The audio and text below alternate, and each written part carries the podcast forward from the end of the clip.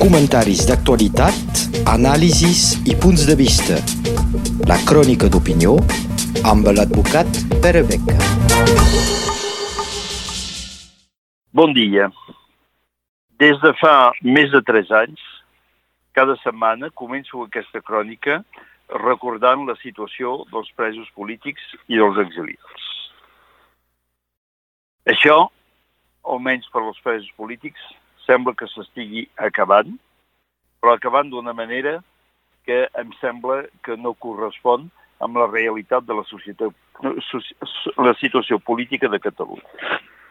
Pedro Sánchez va venir fa pocs dies a Barcelona, concretament en un teatre o Liceu, que per prestigiós que sigui no és cap lloc de poder polític, i va anunciar els indults per als nou presos polítics que estan a la presó des del de mes d'octubre del 2017. Aquesta decisió em sembla, al plan jurídic, una perfecta mistificació. Un indult què és? És un gest d'origen quasi divina, o almenys real, el poder del rei o a l'estat francès del president de la República, a donar el perdó a gent que hagin comès una ofensa. És a dir, que és un otorgament unilateral, és la decisió anteriorment del rei i actualment del cap del govern, d'un perdó individualitzat sobre d'una sèrie de persones que es considera que han comès un delicte o un crim. Això no tindrà cap conseqüència ni de cara als exiliats, ni de cara a tots, i són més de 3.000, els processats actualment davant la justícia espanyola. És una decisió sortint d'una autoritat suposadament superior que otorga el seu perdó sense donar-hi l'explicació necessària que podria. I per això és una mena de reconeixement de l'ordre establert, de la jerarquia que pugui existir a l'estat espanyol entre el govern d'Espanya i els polítics catalans. I a més d'això, el seu discurs, Pedro Sánchez diu tant i com es respecti la Constitució.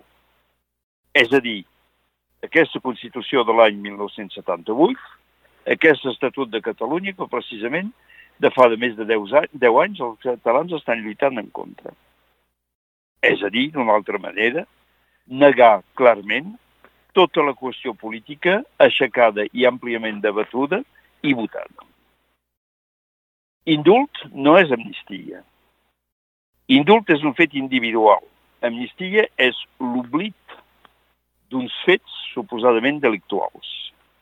I l'amnistia s'hauria d'aplicar a tota la gent que han participat en aquests fets, concretament el referèndum de l'1 d'octubre, perquè l'amnistia no pot ser individual, ha de ser general per tots els fets. Però també l'amnistia suposaria el reconeixement, o menys implícit, del caràcter delictual dels fets. Quin és aquest caràcter delictual? De fa tres anys expliquem que posar urnes, demanar vots a la gent, no té cap aspecte delictual, tant i com això es fa sense violència, tant com això es fa en el respecte dels drets individuals de cadascú.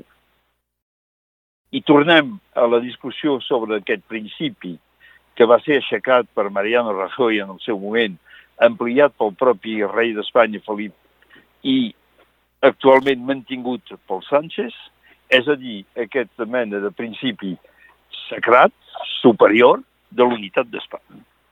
Però unitat d'Espanya, com unitat de qualsevol país, no és un fet immutable i la Constitució de l'any 1978, si corresponia o podia correspondre amb una situació política i amb concessions i negociacions que es van fer en aquell moment, no correspon, evidentment, a la situació de l'any 2021.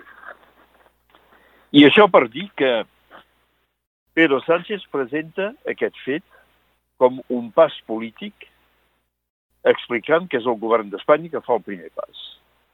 I encara que hagi pres la precaució de citar Miquel Martí i Pol en el seu discurs, és amb un desviament obvi del pensament d'aquest poeta. Perquè aquesta precipitació en aquests moments per arribar a una solució també, eh, suposo, té en compte la posició judicial i polític de les entitats europees. Cada dia surten més decisions de tribunals europeus sobre de la no validesa del procés judicial d'Espanya.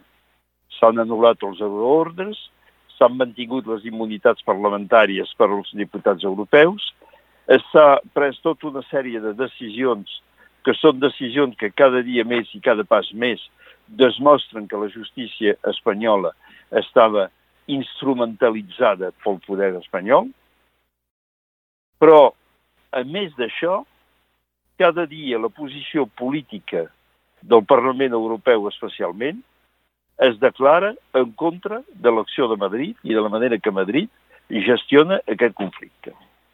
Inclús a nivell internacional, recordem fa pocs mesos que el propi Borrell, representant eh, oficial d'Europa eh, com una mena de ministre d'Afers Exteriors europeus, s'ho va veure a retreure pel propi ministre d'Afers Exteriors de Rússia dient no ens heu de donar lliçons perquè vosaltres també poseu oposants polítics a la presó.